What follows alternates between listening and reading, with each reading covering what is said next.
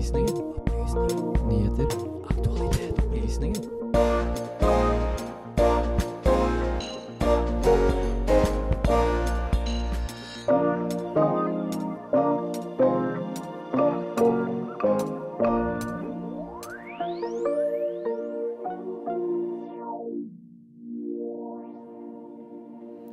Forrige uke fikk 22. juli-terroristen på nytt mye medieoppmerksomhet. Bør presse tenke mer kritisk om etiske hensyn? Denne uken var Taliban på norgesbesøk, noe som skapte mye furore. Men hvorfor var de her? Italia skal velge ny president, men denne prosessen kan ta lang tid. Hvordan fungerer det italienske presidentvalget?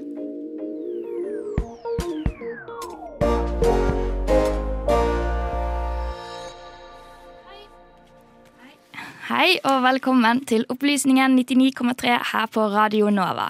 Hvor du òg skal få høre litt mer om Boris Johnson og hans liv og virke. Jeg heter Lise Benus, og jeg skal føre deg eh, så godt jeg kan gjennom denne timen. Og med meg her i studio eh, så har jeg min kjære Daniel Johansen. God morgen. God morgen, Lise. Har du sovet godt i dag? Nei, ikke i det hele tatt. Ikke i det hele tatt, nei. nei. Men sånn kan det gå i en travel eh, Nova-hverdag. Um, apropos Radio Nova, kan du gi meg én god grunn til eh, å kunne søke på Radio Nova? Jeg syns det er kjempesosialt. Jeg elsker livet her. Ja, du gjør det. Ja, Det er bra. Det gjør jeg òg. ja, som sagt så kan man nå altså søke seg inn på Radio Nova.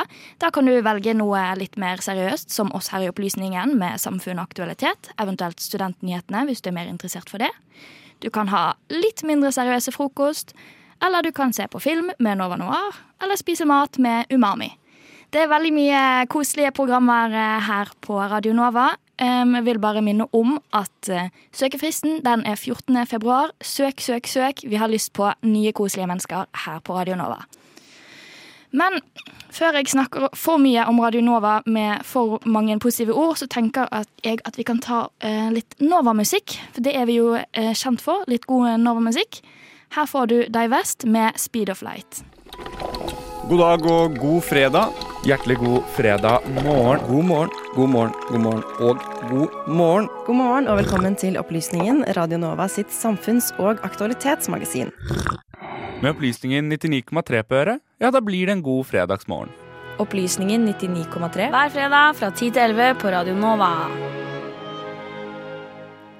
Så eh, ja, da vil jeg egentlig bare rette litt på det jeg sa eh, helt i begynnelsen av eh, showet vårt. Søknadsfristen for å søke seg inn på Radio Nova er da 6. februar. 14. februar er da jeg eventuelt får deg med her i opplysningen. Jeg er litt ivrig på nye mennesker, så jeg er bare veldig klar for det. Men la oss gå til første sak. Den siste uken er det spesielt én sak som har vært overalt i Norge.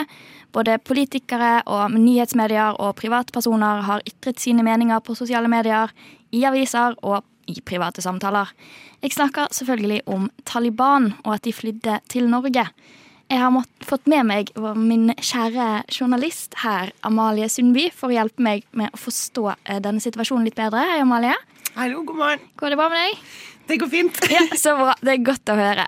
Gå, la oss bare gå rett på sak. Eh, hvorfor, eh, hvorfor var de i Norge, av alle land? Altså, Det som mange av mediene ikke har nevnt, er jo at eh, Norge er et såkalt valgt medlem i FNs sikkerhetsråd, og vi har da et hovedansvar for Afghanistan. Eh, eller Norge har på en måte tittelen pennefører, og blant eh, mandatet til pennefører for et land er bl.a. å lede forhandlinger med det landet. Så eh, med det i bakhodet så er det jo sånn sett ganske naturlig at de kommer nettopp hit. Eh, dessuten så har jo Norge eh, forsøkt gjennom mange, mange år å posisjonere seg som eh, fredsnasjonen Norge, ikke sant. Eh, skal være kjent for alle mulige eh, fredsforhandlinger. Um, og på regjeringens nettsider så er det jo en masse artikler om liksom, hvorfor Norge er så gode på fredsforhandlinger, med en rekke argumenter. Og et av de argumentene eh, jeg syns var veldig spennende, da, var at de ikke var redd for å mislykkes. Eh, det syns jeg var litt interessant. At eh, um, de ser på det som en lang prosess, der hvor man må ha mange mislykkede forsøk mm. før man får noe til. Ja, ja, det er jo egentlig ganske riktig. da. Man må prøve og feile litt grann før man finner eh, hva man eh, vil fram til. Eh, Men eh, er det bare Norge som har vært involvert i disse forhandlingene, eller er noen andre land med? Eh, nei, altså Norge er jo eh, selvfølgelig vertsland for eh, forhandlingen, men de har også invitert andre land. Blant annet så har det vært representanter fra USA, Tyskland, Frankrike, Storbritannia, Italia og EU, i tillegg til da representanter fra det afghanske sivilsamfunnet. Ja, det er jo ganske mange mennesker involvert her, da. Det er ikke bare Norge og Taliban som har sittet og tatt seg en kaffe. Nei. Nei. Um, så kan vi jo eh, spørre, eller jeg kan spørre, hvorfor er disse forhandlingene så viktige? Eh, Det er ekstra viktig å forhandle nå fordi eh, Afghanistan står overfor en stor humanitær krise. Eh, Per nå så er det nesten eh, 600 000 mennesker på flukt, og de forventer at opptil en million barn kan dø. Det er litt sånn rart for oss kanskje å tenke på, siden Afghanistan eh, er såpass langt sør, men det er faktisk veldig kaldt der om vinteren. Eh, og når folk da ikke har råd til å fyre, de har kanskje ikke råd til ordentlige klær og sko, eh, det er ordentlig matmangel, så eh, er det klart at det haster å løse denne situasjonen og hjelpe alle disse sivile menneskene som er i nød. Ja, ja, Så det er på en måte de sivile menneskene som er i sentrum. da. Det er ikke nødvendigvis Taliban som, eh, som er i sentrum. Eller det er det viktigste, da, kan man kanskje si. Ja, eh, altså Jonas Gahr Støre, vår statsminister, har jo gått ut og sagt at det her er jo ikke en anerkjennelse av Taliban.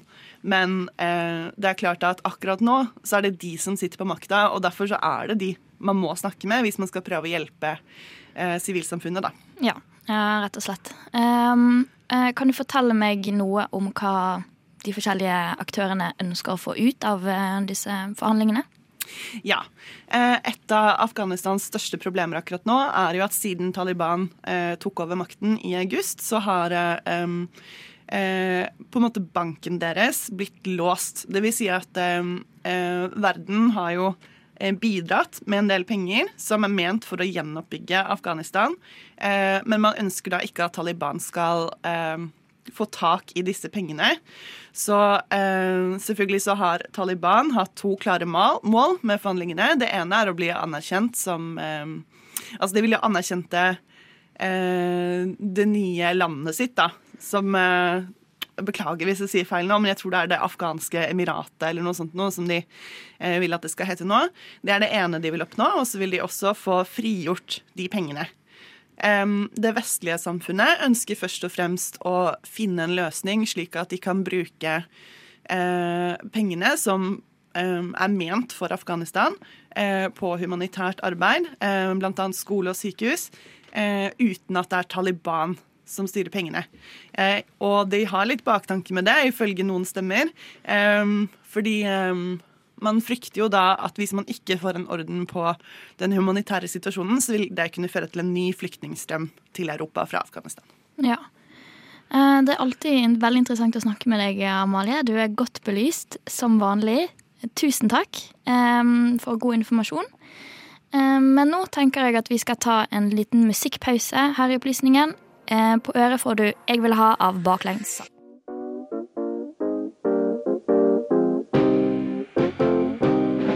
Du hører på Radio Novas samfunns- og aktualitetsmagasin Opplysningen. Hver fredag fra klokken 10 til 11 på Radio Nova. Opplysningen på Radio Nova.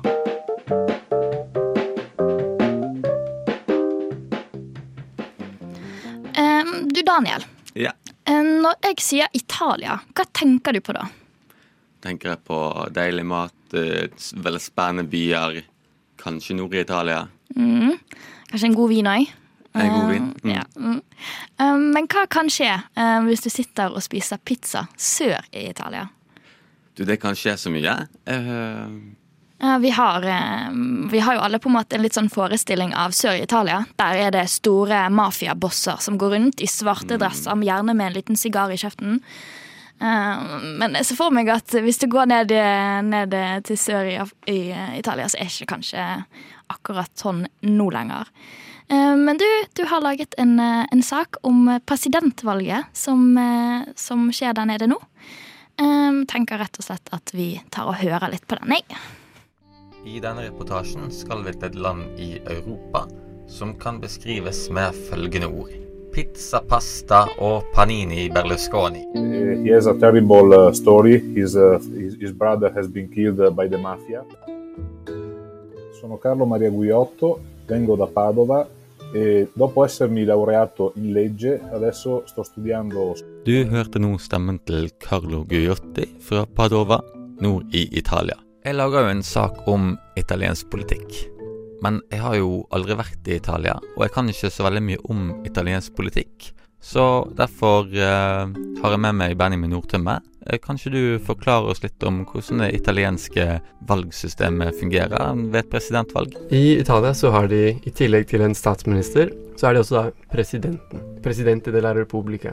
Eh, en nokså seremoniell rolle. Han har et par viktige oppgaver. Det er jo presidenten som utnevner statsministeren. Så presidenten er på en måte en slags eh, sjef, eh, enda han er litt som kongen. I Italia så velger de president hvert syvende år, så presidenten sitter jo relativt lenge. Så det er jo eh, inntil eh, videre så er det jo fortsatt Sergio Mattarella som sitter på eh, sitt, Ja, er i Quirinale, som de kaller det. Det er presidentpalasset.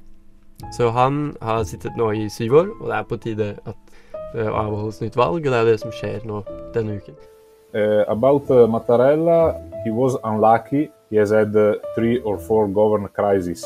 I Italia, når de velger president, så er det alle representantene fra parlamentet som sitter og velger, og et par utvalgte fra forskjellige regioner for å prøve å gjøre det fair. Man legger opp til at det er i utgangspunktet tre runder. Første og andre og tredje runden så må man ha eh, to tredjedels flertall for én kandidat. Så vi kan jo lese nå i Corriere della Sera, som er Italias største avis, eh, at nå i dag, på tirsdag, så ble det 527 som har stemt blankt.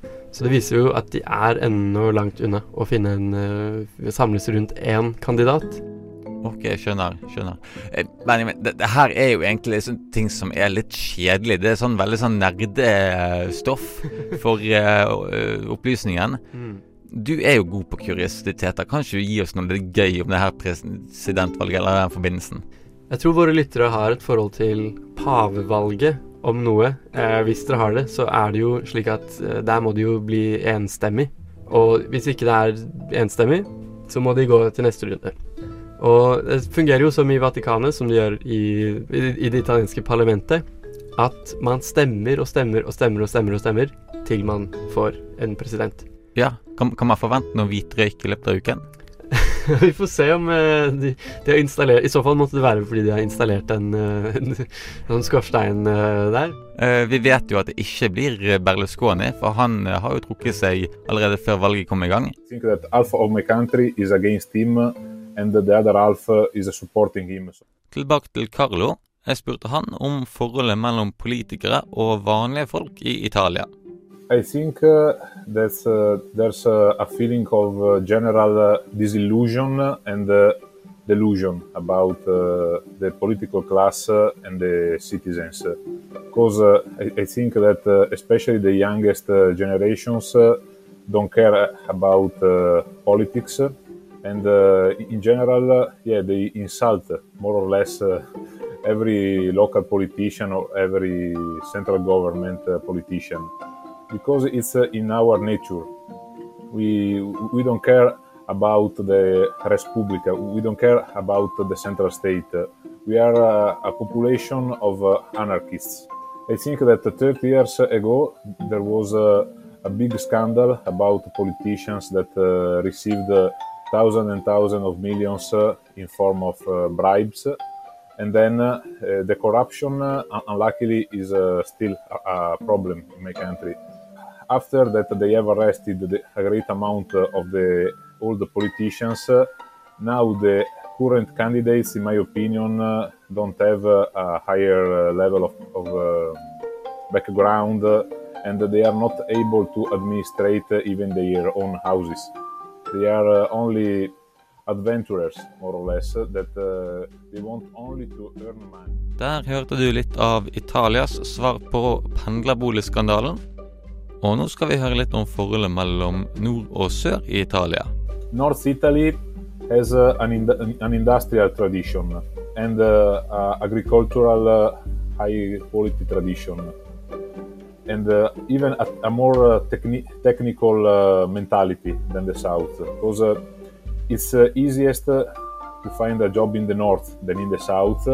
And i think that the local municipalities in the north are uh, even with uh, their problems obviously but uh, are well arranged and they are able to, to do a great service to the citizen.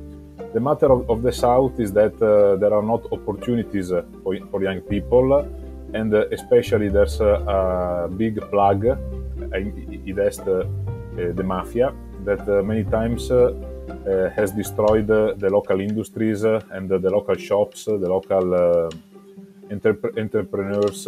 And so the difference is that the north of Italy is more similar to Norway in a certain way because it's efficient and we have a culture i'm from the north we have a culture of uh, hard working in the south due to a lot of factors even uh, the high temperatures sometimes i know it's funny but uh, even uh, you know under 50 degrees uh, sometimes uh, it's not so easy for them to, to work. And yeah they have a different kind of daily routine. But fundamentally the matters are the, the mafia and uh, the lack of investors in the south and many times uh, especially in Naples uh, or in Palermo there are there's a lot of poverty. Hvorfor er Carlo interessert i politikk? Because I consider politics the only way to create a better Italy. Opplysningen ønsker Carlo og resten av Italia lykke til med valget. Medvirkende i denne saken det var Daniel Johansen og Benjamin Nordtømme. Lyden var hentet fra sessions.blue. Eh, Daniel, har de kommet fram til en konklusjon i eh, dette presidentvalget? De har ikke ennå. BBC melder i går kveld at fjerde valgrunde er avsluttet uten en ny president. Ja, ikke sant. Sånn kan det gå. Eh, vi satser på at de finner ut av hvem de har lyst på som president. Eh, men her i Norge, og mer spesifikt her på Radio Nova, så blir det litt musikk. Eh, du får A Grateful, A Great Fruit med What's The Use. Men det som også er rystende, er på en måte at hvor mye av det som i 2011-2012 opplevdes som helt vanvittig, det er liksom gått inn i et slags sånn politisk hverdagsspråk nå. Veldig mange av de holdningene. Radio Novas samfunns- og aktualitetsmagasin gir deg historiene, sakene og debattene andre overser. Aldri redd, alltid balansert. I forrige uke hadde Anders Behring Breivik en rettssak som fikk relativt mye medieoppmerksomhet. Han er en av de mest beryktede personene i Norge, så det er kanskje ikke så rart at det blir skrevet en del om han når dette skjedde. Men det er noen mediehus som har fått litt kritikk om hvordan dette ble gjort. Vår reporter Benjamin Nordtømme har tatt en litt nærmere titt på denne saken. For litt mer enn ti år siden fikk vi brått og uten forvarsel oppleve en nasjonal tragedie uten sidestykke i Norges moderne historie. 22.07 ble utvilsomt et sårt, alvorlig definerende øyeblikk for hele landet, og kanskje spesielt for en generasjon ungdom som nå er i 20-årene. Så til forrige uke. Vi befinner oss i Skien fengsel, der gjerningsmannen på nytt, i en åpen høring, tar til retten og ber om prøveløslatelse med reportere, kameraer og fotografer til stede.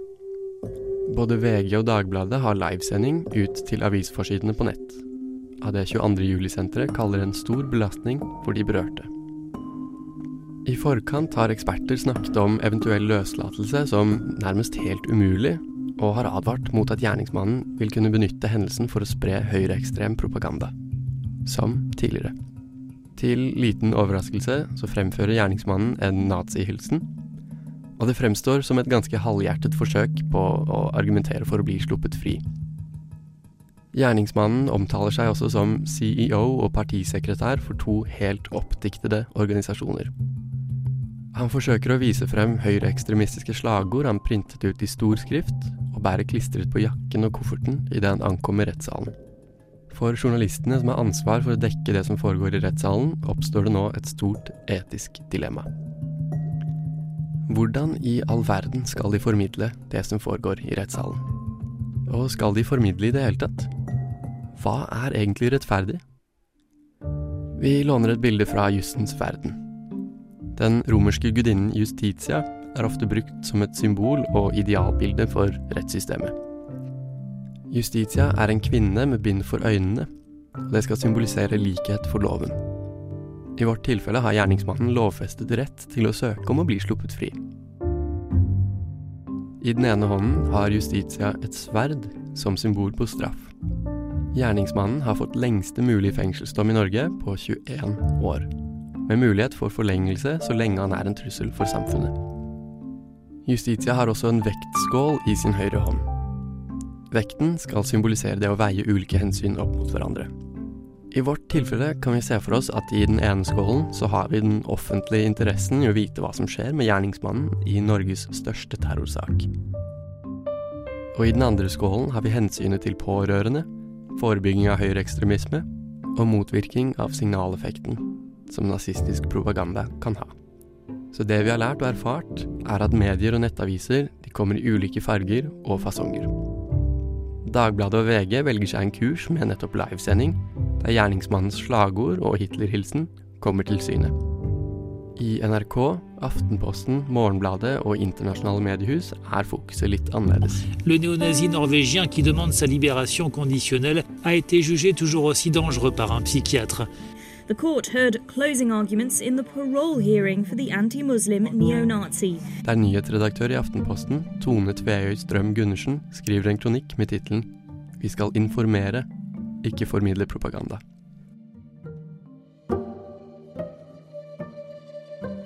Etiske hensyn tas for å sette informasjonen i en kritisk kontekst. Vi i Opplysningen stiller oss bak denne linjen. Vi minner om Vær varsom-plakatens siste punkt. Ord og bilder er mektige våpen. Misbruk dem ikke.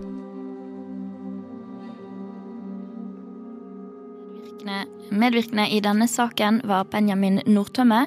Lyd var hentet på Reuters, Euronews og Dot Session. I was well. It's fantastic. I was a bit hazy what I would find it, Opplysningen. uh, but I loved it. Opplysningen. It's very much my kind of place. Uh, ja. Noen av våre reportere er over gjennomsnittet interessert i uh, spesifikke, litt nisjetema. Uh, og vår Nova-general, Sander Zakaria, han er over gjennomsnittet glad i britisk politikk, av alle ting. Um, og når jeg sier britisk politikk, hvem tenker du på da, Daniel? Jo, nå var det jo veldig lett å skjønne at du vil frem til Boris Johnson. Ja, Det er helt riktig. Eh, Boris Johnson han er litt av en eh, karakter. Han er jo kjent, eller som man så fint sier på engelsk, infamous. Eh, han er en britisk politiker, og han har hatt flere skandaler. Eh, kan du komme på noen eh, litt nyere skandaler, Daniel? Det helt nyeste er jo eh, de ulovlige festene under lockdown. Ja, han mm. har hatt, eh, som jeg har sagt flere ganger her på opplysningen, en fest for mye. Det du kan bare tenke deg, eh, eller sammenligne det da, eh, med hvordan vi hadde reagert hvis det hadde vært en britisk politiker som hadde festet for mye. Eh, kommer du på noen som har fått litt eh, kritikk i norske medier? Ja, vi hadde jo eh, vår tidligere statsminister som også tok seg en fest for mye. I hvert fall i norsk sammenheng. Mm. Ja, oppe på Geilo, der hun skulle feire bursdagen sin. Bursdag er jo alltid en god unnskyldning for en fest, ikke det? det? Jo, jo, det burde jo være det, men når det er en pandemi, så kan man kanskje utsette den litt sånn som alle andre mennesker i hele verden har gjort. Tenker nå jeg. Sånn som vanlige folk, altså. Ja, sånn som vanlige folk. Eh, Men ja, eh, vår journalist Sander Zakaria han har satt seg ned denne uken og lest litt for mye, eh, som vanlig, om eh, Boris Johnson. Eh, Og han har rett og slett satt seg ned sammen med Amalie Sundby i går kveld. Og da forklarte han hva han hadde lest. Nå skal du få en liten smakebit av det nesten timeslange innholdet som han lagde i går kveld. Stikkordet for dette stikket er jo kanskje vestkantgutter, men i britiske tilstander. Det høres spennende ut. Um, det som har opptatt manges oppmerksomhet ved Boris Johnsons studier på Oxford, det er fritidsaktivitetene hans. Han var her, også her svært populær. Uh, var annet medredaktør i det satiriske tidsskriftet uh, Tributary. samt både sekretær og president for Oxford Union, skolens debattklubb. Her møter han uh, også Max Hastings, ansvarlig redaktør i The Telegraph. Og dette er noe Boris Johnson skal dra nytte av litt senere i livet sitt. Men ikke minst så er han da medlem av den beryktede eh, Bullingdon Club. Hva er det for noe? Eh, jo, det skal jeg fortelle deg. Eh, Bullingdon Club det er en privat middagsklubb bestående eh, primært av mannlige medlemmer. De er kjent for sine velstående medlemmer, store banketter, fyll og en sånn lei tendens til å vandalisere de fleste restaurantene de spiser ved. Ok. Det er historier om at en middag med The Bullingdon Club har eh, kostet eh, i etterkant eh, nesten 40 000 pund i reparasjoner. Men er det sånn at restaurantene bare vet at de betaler, så derfor så jeg, jeg tok, Hvis jeg var restauranteier, så hadde jeg bare sagt sånn Sorry, vi er fullbooka. Ja, for det er jo også en sånn ting jeg satt og undret meg over da jeg leste dette. Altså, Går de bare med på det? OK, dere skal komme og ramponere. Kult! Hvem vet? Men de gjør i hvert fall det. Um, og oi, fytti gærent, det er et mikrofonstativ. Uh, og under Camerons uh, statsministerperiode blir det da dratt opp et bilde fra 1987 og blir lekket til mediene som viser både Cameron og Johnson som medlemmer av da denne Bullington Club. Uh-oh. Med andre ord det- Ingen av dem er spesielt stolte av det den dag i dag. Nei. Nei, de er ikke det. Men eh, vi ser da nok en gang at eh, Cameron og Johnson holder seg i mer eller mindre samme kretsen. Mm. Bullingdon Club, racing prime minister since 1987. Eh, Er du en av de som er over gjennomsnittet glad i eller interessert i britisk politikk? Eller har du egentlig bare lyst til å høre, høre hele livshistorien, så å si, til en av de mest beryktede politikerne i 2022? Da må du søke opp opplysningen på Spotify, iTunes eller der du finner podkastene dine ellers. Der finner du en trivelig og veldig morsom samtale mellom eh, Sanna Zakaria og Amalie Sundby. Um, men eh, en annen ting som man òg finner på Spotify, det er jo musikk. Uh, og nå skal vi ha litt mer musikk her i opplysningen.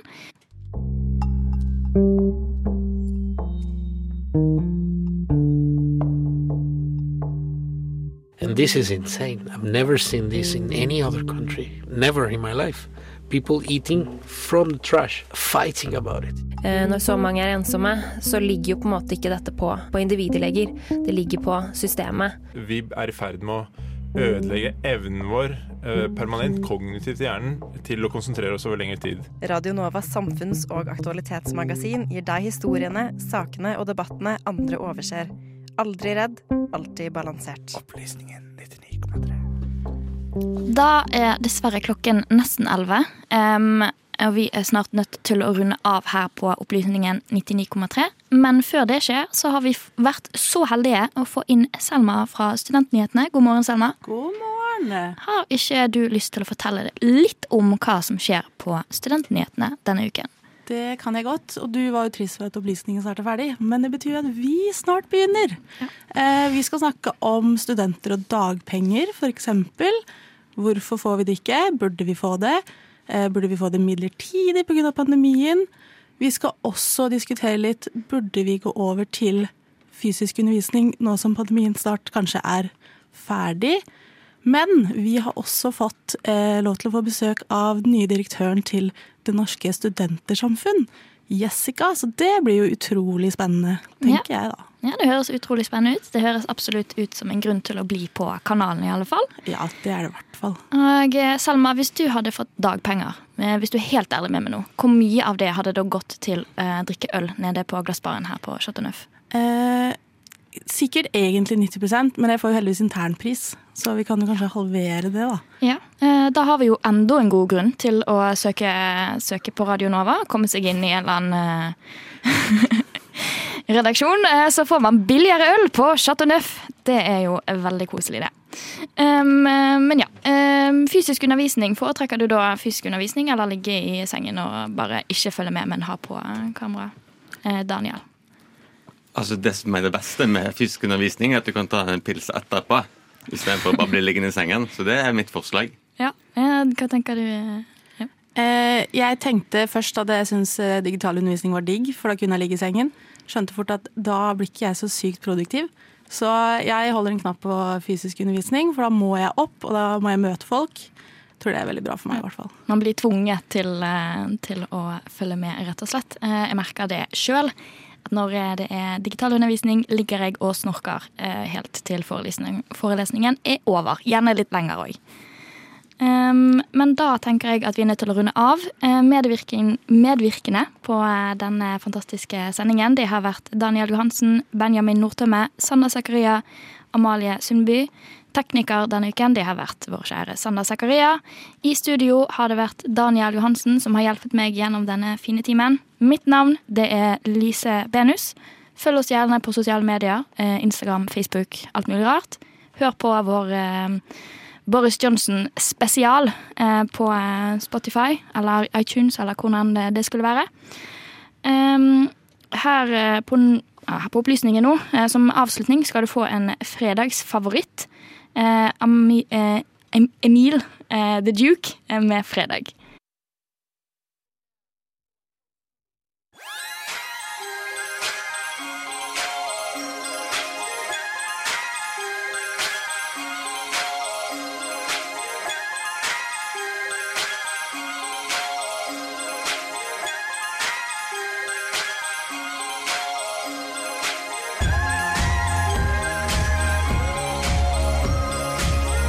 Siden 1982 har Radionova gitt deg favorittmusikken din. Før du visste at du likte den.